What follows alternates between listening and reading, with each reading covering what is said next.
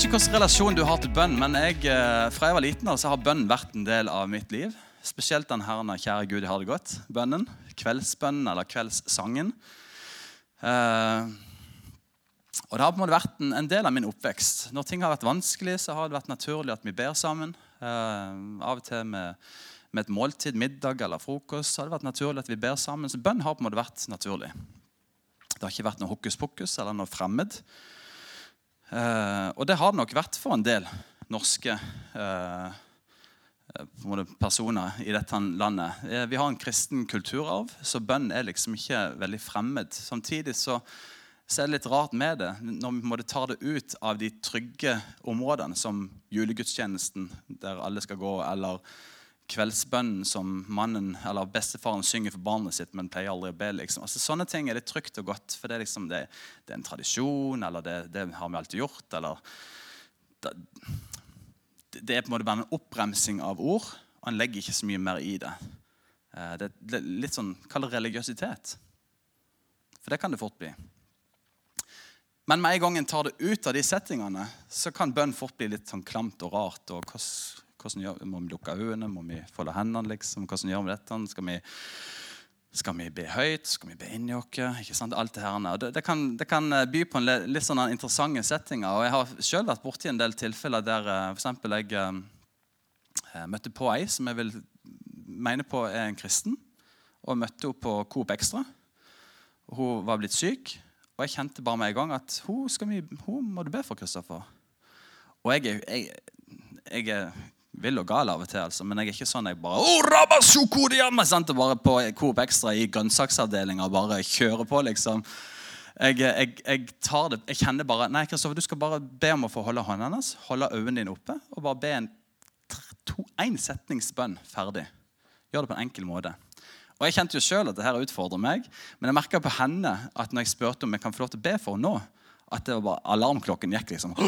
Ukomfortabelt. ikke sant? Og jeg kan jo skjønne det, for vi tar det, på en måte ut av en setting der det er trygt, der det er godt. Der gjør vi det i kirkesalen eller hvor det er henne. Og så må du praktisere det på en plass som er offentlig eller utenom det vanlige, eller hva det måtte være for noe. Eh, og til og med Vi som kristne kan kjenne på at det kan være ukomfortabelt hvis du sitter på kafé med en eller annen, og han foreslår skal vi be litt til slutt. og bare, Tenk om folk ser oss. Jeg vet ikke med deg, men jeg kan kjenne på det. Utrolig nok så kan jeg kjenne på det, Men bønn bør jo og skal jo være det mest naturlige vi gjør. Vi snakker og henvender oss til Gud. Og det trenger jo ikke å være veldig sånn rart og skummelt og fremmed. For hva er bønn egentlig? Jo, det er å snakke med Gud. Hvordan, hvordan da? Heldigvis slipper vi på røkelse og innvielse og slå på tromme og på en måte få kalle på ånden. liksom og sånt. Han er her, han er i oss, han er til stede, han er tilgjengelig. Og det er så naturlig. Og Bibelen bruker masse eksempler med det her med å bli som barn. Og Jesus, Hver gang han henvender seg til Gud i bønn, så sier han ikke 'Å, store Gud i himmelen'. Og, nei, han sier 'Far. Min far'. Abba, far. Pappa Gud.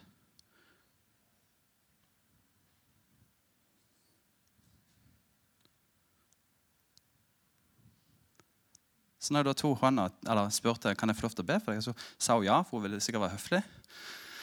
Og så tar jeg, kan jeg ikke bare få hånda di. Og så tar jeg hånda. Gud, må du bare helbrede henne nå i Jesu navn. Amen. Ferdig. Og folk gikk forbi, og det var ikke noen scene i det hele tatt. Jeg kunne lagd en scene. Kjempeenkelt. Men hvorfor skal jeg gjøre det?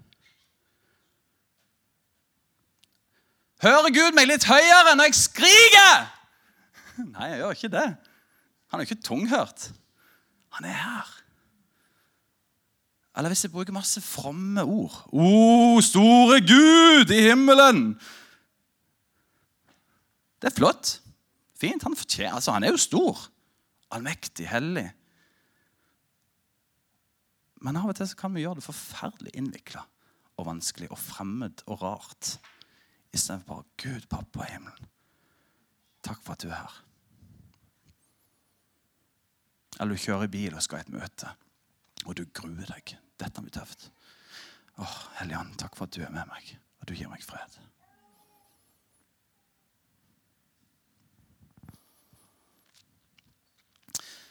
Jeg skal slå opp i Matteus evangeliet, kapittel 7. Hvis du har en bibel eller telefon eller en dødehavsrull, så må du bare slå opp. Vet du aldri.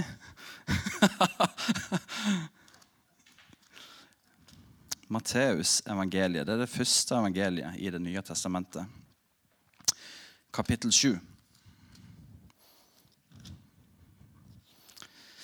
Vers 7 og 8. Da er det Jesus sjøl, sjefen sjøl, som sier Be, og det skal bli gitt dere. Let, og dere skal finne. Bank på, og det skal bli åpnet for dere. For hver den som ber, han får. Eh, den som leter, han finner. Og den som banker på, skal det bli åpnet opp for. Så står det masse bra nedover her. i forhold til, ok, Hvis vi henvender noe til Gud ikke sant? og vi spør om å få et brød, så vil han ikke gi deg en stein. ikke sant? Men jeg har bare lyst til å belyse de første, de første to versene. herrene. Be, og det skal bli gitt deg. Let, og dere skal finne. Bank på, og det skal bli åpnet for dere. For hver den som ber, han får. Og den som leter, han skal finne. Og den som banker på, den skal det bli åpnet opp for.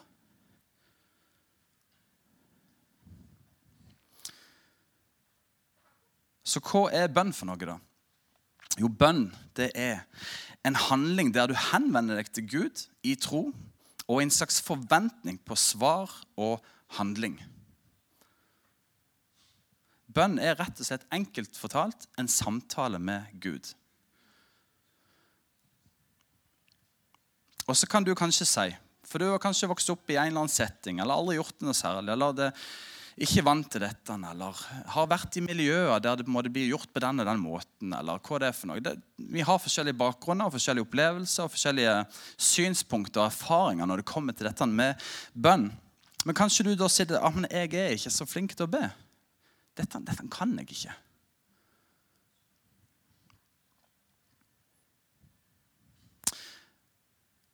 Eller kanskje du sier at oh, jeg, jeg, jeg er ikke vant til å be høyt. Jeg bare jeg er stille når jeg ber. Og en liten side note, Det er helt greit å være stille i bønn. Men bønn handler òg om å åpne munnen sin. Jeg skal snakke mer om etterpå. Men bønn det kan du òg gjøre i ditt hjerte. Et sukk. Og Gud kjenner det. Han vet alt. Men ord skaper noe. Men det er fantastisk at Gud kjenner vårt hjerte likevel. ikke sant? Om du bare ikke har ord, så vet han hva du trenger. Om du ikke klarer å sette ord på det. Om du ikke har de rette formuleringene. For vet du hva? Han fortjener de største, flotteste tingene. Du ser maleriene i, i, uh, i oldtiden med Michelangelo og da Vinci. og De maler fantastiske uh, kunstverket. Han fortjener det. Den fantastiske kirka de bygger i Barcelona, som aldri blir ferdig.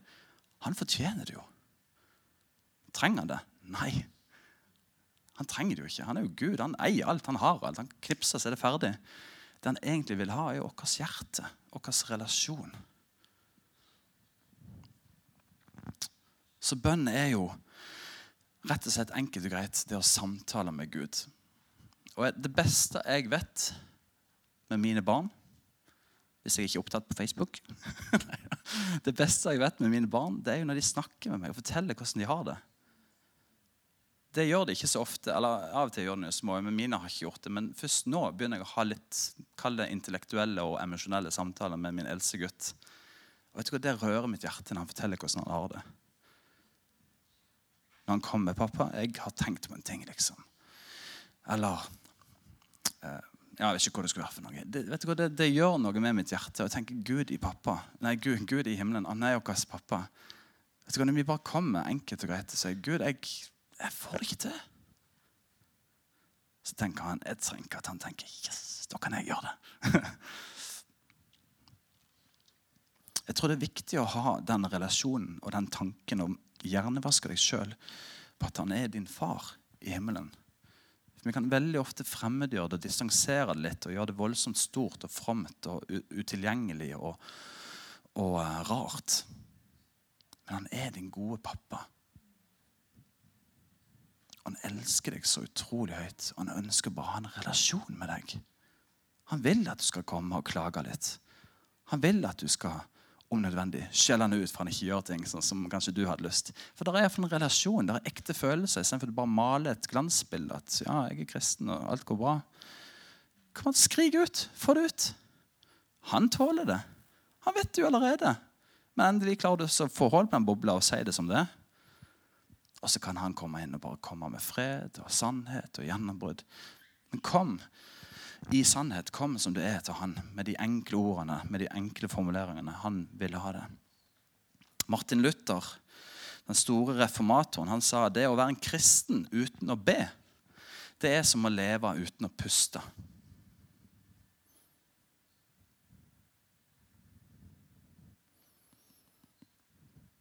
Tenk det. Skal vi prøve det?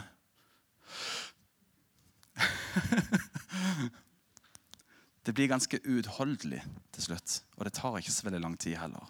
Så er bønnen en helt annen dimensjon. Men jeg synes det er et perfekt bilde på vårt liv sammen med Gud.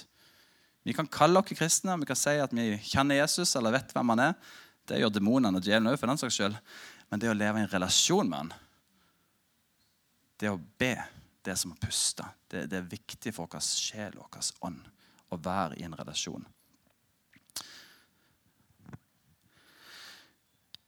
I Jakob kapittel 5, 16 så står det i slutten av verset Et rettferdig menneskes bønn har stor kraft og virkning. Hvem, hvem er rettferdige her inne? Ja, folk er litt usikre. Er, er du rettferdig? Ja, Det er jo et legitimt spørsmål. Er du rettferdiggjort? Er du et rettferdig menneske? Ja, med Jesus er du jo det. I han så er vi jo det. Kristoffer han kan vi jo glemme. Han er jo død. Jeg er død i Kristus. Men Kristus lever i meg, så jeg er rettferdig.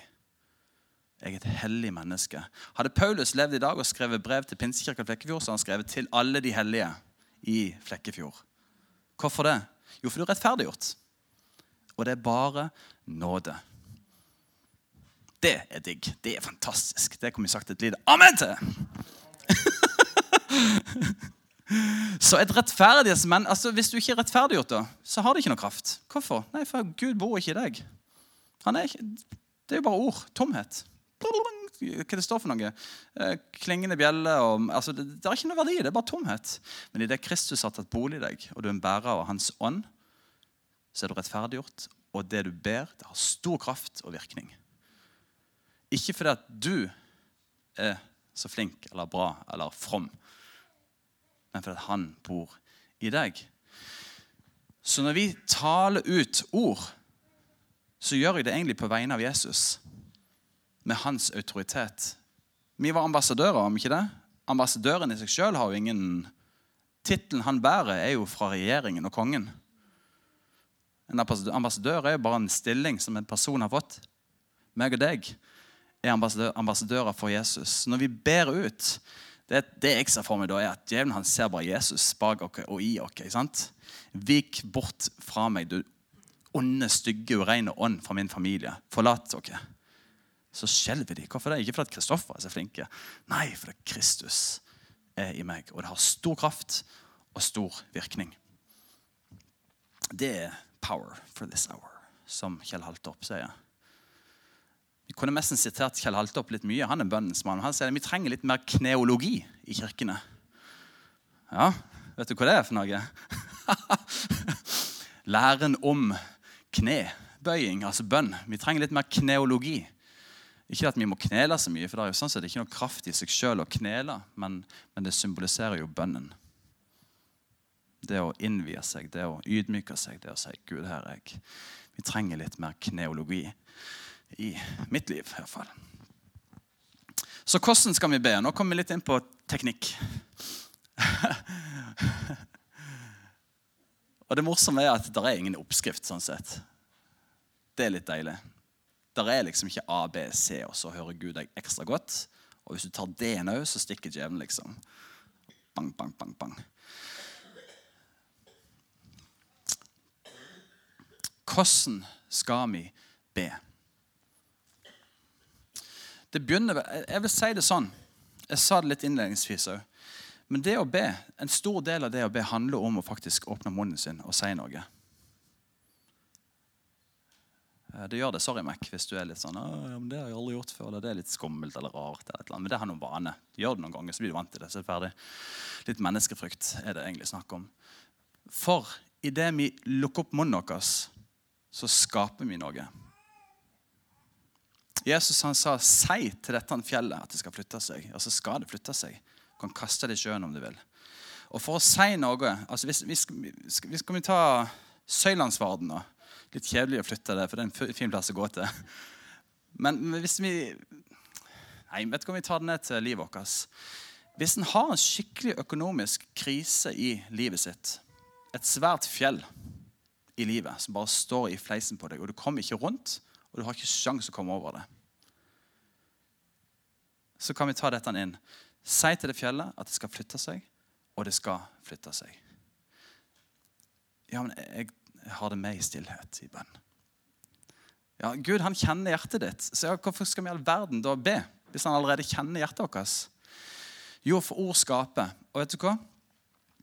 Jeg tenker Idet vi åpner munnen og ber i Jesu navn, så tenner vi et lys i mørket. For vi har ikke en kamp mot mennesker, mot kjøtt og blod, men mot åndsmakter. Ikke sant? Og dette, oh, det er skummelt. Nei, det, vet du hva, det er kjempeenkelt. de ligger under føttene deres. Det er ikke skummelt i det hele tatt. Men i det vi sier 'vik fra meg' sant? Si hvis du har et skikkelig angrep på livet ditt, familien din, økonomien din, hva det er for noe. Da er det et angrep, så må vi være såpass kristne av oss og erkjenne det at her er det snakk om åndskrefter i tillegg. Ja, vi mennesker har mye, vi kan velge ting og gjøre ting, men, men det er åndskrefter. Og bønnen skaper. Bønnen, Vi har fått, fått, beskjed fra Jesus at vi kan binde og vi kan løse. Forstår du hva jeg sier? Og da må vi åpne munnen. For Bibelen sier jo at Djevelen kan ikke lese tankene dine. Han kjenner ikke dine indre tanker. Han kan så tanker, han kan så løgn. Han kjenner ikke dine indre tanker. Det er det kun Gud som gjør. Men tal ut sannhet. Det gjør noe med deg sjøl. Det gjør noe med Gud. Jeg tror han elsker å høre stemmen deres men det påvirker òg åndskreftene. Så når vi velsigner mennesker, så ber vi ut Herre, velsign denne personen. Herre, velsign dette ekteskapet. Herre, velsign mine barn. Velsign økonomien min. Ber om legedom i denne situasjonen. At vi skal bli friske, at vi skal få styrke, at vi skal få fred. De tingene skaper noe. Vi gjør det i autoritet fra Gud. Han har tatt bolig i oss, og vi kan tale ut sannhet. Ord skaper, men ord kan også drepe. og Derfor har vi fått streng beskjed om at vi skal ikke drive på med baksnakking og drittsnakking og, på en måte mm, tomsnakk. Nei, vi skal være bevisste i hva slags snakk vi har, for tunga vår den skaper. Og i bønn òg. Ja, det er fantastisk å bare være stille i bønn og ta imot og lytte og grunne på hans sannheter og være i hans nærvær. Men det er fantastisk òg å bare proklamere ut sannheter. Gud, du er herre over mitt hus. Gud, jeg tilhører deg. Det skaper noe i himmelrommet.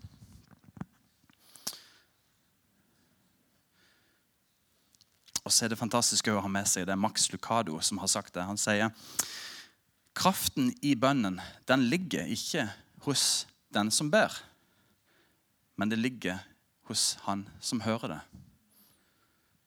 Og det bare tar all form for prestasjon og formuleringer og egeninnsats vekk fra mine skuldre. For det, det, det, jeg har ikke noe kraft i meg sjøl. Men det er han som bor i meg, han jeg ber til. Han som har gitt autoritet. Det er hos han kraften og gjennombruddet og svarene ligger. Jeg kan ikke gjøre noe. Så kraften, ansvaret, ligger ikke hos meg, men det ligger hos han som hører bønnen. Og det er fantastisk. Og et lite sitat her til, til slutt òg. Ehm, John Wesley, grunnleggeren av metodistbevegelsen, han, uh, han sa det uten Gud så kan ikke mennesket, men uten mennesker så vil ikke Gud. Så det, du får litt ansvar igjen allikevel. Og, ja, er det lov å si? Uten, Uten mennesker så vil ikke Gud. Ja, det, han, han, han leide etter mennesker som ønsker å tjene han. Han leide etter mennesker som ønsker å stå opp for sannhet. Han leide etter mennesker som ønsker å være et sendebud. Han leide etter mennesker som ønsker å si 'Herre, her er jeg, send meg'. Han leide etter mennesker som har et hjerte som lengter etter han. Han leide etter mennesker som ønsker å ha en relasjon med han. Så vi mennesker kan ikke gjøre noen ting uten Gud. Men Gud han vil ikke gjøre noe hvis han ikke finner mennesker som vil. Et villig menneske. Og da tenker jeg bønnen igjen. Tør du å be til han, Gud, eh, bruk meg i denne relasjonen til denne personen som jeg skal be for. Ha din vilje, ha din vei. Herre, her er jeg. Send meg, liksom. For idet du ber en sånn bønn, så Han er villig. Han vil. Han kan. Han er mektig. Men er min vilje til å gå litt ut av komfortsona eller skape en ny relasjon, en vennskapsrelasjon, der vi kan få lov til å være et vitne for Jesus til mennesker som ikke tror.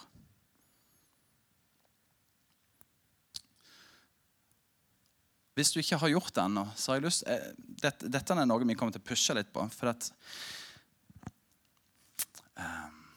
hvem i Pinsekirka Flekkefjord er det som er ansvarlige for at mennesker skal ha det godt i forsamlingen? Er det, er det pastoren? Er det pastoren som skal gjøre det? Nei, hvem er det? Alle. ja. Hvem er det som skal løfte opp bønnen når det er krise i et ekteskap? Er det pastoren som skal innvie seg og gå i bønn, for han er virkelig salva? wow. Nei, det er jo menigheten. Hvem er det som skal ta og rydde timeplanen sin for å gå på besøk til hans middag på sykehus? Er det pastoren? Nei, det er jo menigheten. Når de starta nye menigheter i Det nye testamentet, apostlene reiste ut og planta kirke, hva var de satt inn for noe? Var det pastorer? Nei, det var eldste som skulle lede menigheten, og det var menigheten som fikk et ansvar til å tenne lys i byen så har vi pastorer og lærere, og, altså, apostler og profeter og tjenestegaver som skal utruste og oppmuntre og inspirere menigheten. Men er menigheten som i dag kanskje har blitt litt sånn Litt sånn Ser for meg sånn person som ligger på intensivavdeling og bare får i seg all næring og bare blir ikke sant? Ligger der på respirator. Ikke sant? Og så kommer doktor eller pastoren og gir litt føde. og på en måte, ja, her har du liksom. Og, vet du hva, Vi skal være sunne og sterke. Det er ikke pastoren sin jobb, det er ikke han som er frimodig og evangelist. liksom. Nei, det er menigheten som skal ta ansvaret. Så har vi forskjellige gaver. Vi har forskjellige nådegaver, vi har forskjellige personligheter. Og så utfyller vi hverandre. Det er digg. For da trenger ikke alltid Kristoffer være den som må ut og hilse eh, jeg gidder ikke si mer. Ja, dere skjønner. Ja. så, så, jeg tenker dette, dette, dette, er viktig, og det, det kommer tilbake til det jeg begynte på nå, før jeg begynte med denne digresjonen.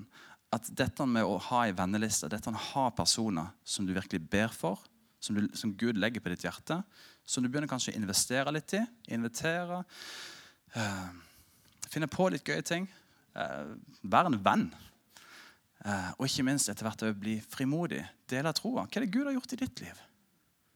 Hva er det, hva er det Jesus har gjort for oss? Hvordan er dette livet å være en Jesus-etterfølger? Og dette er ditt ansvar. det er det. Og hvis du ikke vil ha det, så vil jeg si, da er det noe feil i livet ditt. Sorry, Mac. Da er det et eller annet som skurrer hvis du sier nei takk. La dette begeret gå forbi, liksom. Nei, nei, nei. Dette er et kall den enkelte kristne har fått. Vi skal være ambassadører for han. Ikke pastor Kristoffer eller hun som er så ivrig, eller Nei, vi. Fellesskapet. Og så skal det ikke være en byrde. Det skal ikke være sånn øh. Men begynn med å si Gud, er det noen du ønsker å legge på mitt hjerte? Og Da blir byrden lett, for det er Gud som gjør det i oss. Det er jo gøy å gå på kino hvis du syns det er gøy å gå på kino. Det er jo gøy å gå på tur. Det er jo gøy å gå ut og spise middag. Det er jo gøy å bowle. Altså, sånne ting er jo gøy. Det er gøy å få seg nye venner som kjenner bare, yes, dette er en fantastisk herlig fyr som jeg bare er så glad i. Og så har vi en ambisjon og et motiv om at vi ønsker at de skal bli kjent med Jesus. Wow, det er spennende. Og dette konseptet her kommer vi til å ta med ut i husgruppene. Så for du som er med i husgrupper, så kommer vi til å løfte dette opp i bønn. Vennelista. Så skal vi ikke be for hver enkelt person, men vi løfter opp vennelista i bønn. Vi ber om at de skal bli kjent med Jesus. At du skal gi oss innpass i livet deres, sånn at vi kan bli gode venner, få gode relasjoner, investere i dem og gi dem Jesus. Og så synes Jeg, jeg, syns det er kjempegøy og kjempespennende det her med at vi, vi bruker tid, dedikert tid i bønn i, i gudstjenestene. Jeg syns det er fantastisk. Uh, og det er noe vi bare kjenner at det, det, det, måtte vi gjøre. For vi kan be mye når vi lovsynger, og måte, ja, vi slenger opp noen bønner og tanker mens du står der i lovsangen mellom sangene. Liksom, og. Men det å konkret gå inn og be for dette Vi ber mot sykdom, vi ber for dette, vi ber om Guds velsignelse. herrene. Det å løfte det opp som et kollektivt fellesskap. Det er en kraft i det. Da vil jeg avslutte med et vers ifra jeg tror det står i Apostlenes gjerninger, kapittel 12.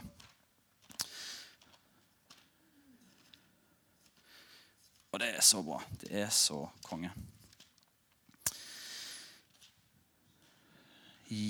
Ja Det står her Vi kan lese fra vers 1, egentlig.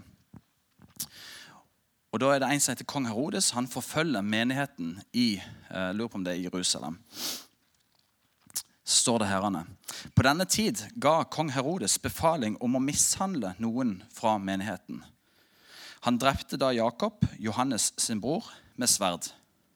Og siden han så at dette var til glede for jødene, så fortsatte han og grep også Peter.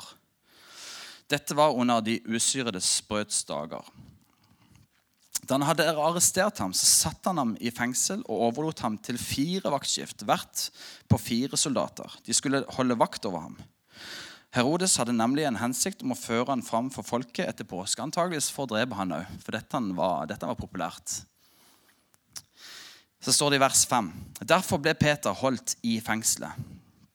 Men Men. Og vet du hva 'men' er for noe, og hva det betyr? Jeg har definisjonen her.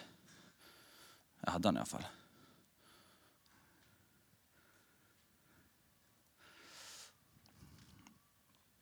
Ordet 'men' det er en konjuksjon. Nå er det mye. Nå er jeg klar for å sitte på lærerbenken. her. Og Det betyr at du kobler sammen to setninger, og det har en sammenheng. Men ordet 'men' det blir brukt for å uttrykke en motsetning eller en innvending. Og det blir brukt for å komme med et motstridende synspunkt. Så du setter et 'men' for å skape en kontrast.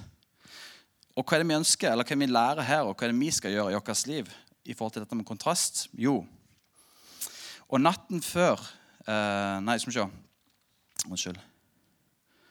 Uh, ja, Derfor ble Peter holdt i fengsel. Altså, Peter var i fengsel, men menigheten ba da vedvarende, eller med iver, eller med utholdenhet. Altså bønnen ble brukt i menigheten. De ba for Peter.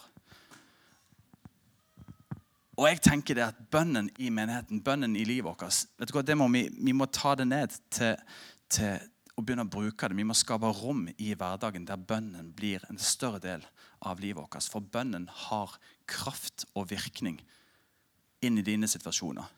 Inn i økonomien din, inn i relasjonene dine, inn i helsa di, inn i barna dine, inn i Flekkefjord. Inn i hva det måtte være for noe. Bønnen har stor kraft og virkning. Ikke fordi at meg og deg er så flinke og fromme og formulerer så fint, men han, han som hører det, han er allmektig. Han kan gjøre noe. Og når vi ber, så er det akkurat som vi lager til flystriper der miraklet bare kan komme ned. Vi, gjør, vi, vi på en måte dekker bord og inviterer bønnesvaret. Så er det ikke alltid sånn at vi får det svaret vi vil ha, når vi vil ha det. Det er ikke alltid det ser ut på den måten som vi skulle ønske. Men vi har en tillit, en barnslig relasjon til Gud om at han er den som vet best. Han forsørger oss, han gir oss akkurat det vi trenger, i rett tid. Og han har en fantastisk plan der han bare lager en historie, en fortelling her, som bare er mye større enn det meg og deg kan forestille. Og meg og deg har en liten rolle her. Og så har vi fått bønnen som et våpen, der vi kan nesten bryte inn i historien og dra ned himmelen på jord. I situasjonen din med, med, med, med, relasjonene dine i ekteskapet, i forhold til helse, i forhold til utdannelse, i forhold til hva som helst, så kan vi komme til Han og legge til rette for at et mirakel kan komme. Og jeg regner med at det er folk her inne Jeg kan kjenne i perioder at det er ting som jeg kjenner bare Gud, jeg trenger virkelig et bønnesvar. Jeg trenger at du kommer og gjør noe. Jeg trenger at du virker på en eller annen måte. Og det tror jeg vi alle sammen kan bære på. Og det å med frimodighet dele dette for hverandre og be sammen. Be i fellesskap. Be før du legger deg, eller når du står opp om morgenen. og virkelig bare rydde vei for at Gud kan komme og gjøre noe mirakuløst i ditt liv. Og ha en barnslig tro om at han gjør det. Hvis du googler bønn i Bibelen, så vil du se så mye løfter og så mange sannheter om dette med å ha bønn som en sentral del av vårt liv sammen med Jesus og løfte på at han griper inn og velsigner og løser og skaper og bryter. Det er fantastisk. Amen. Amen. Jesus, jeg takker deg, Gud, for at uh, vi kan alltid komme fram for deg i bønn.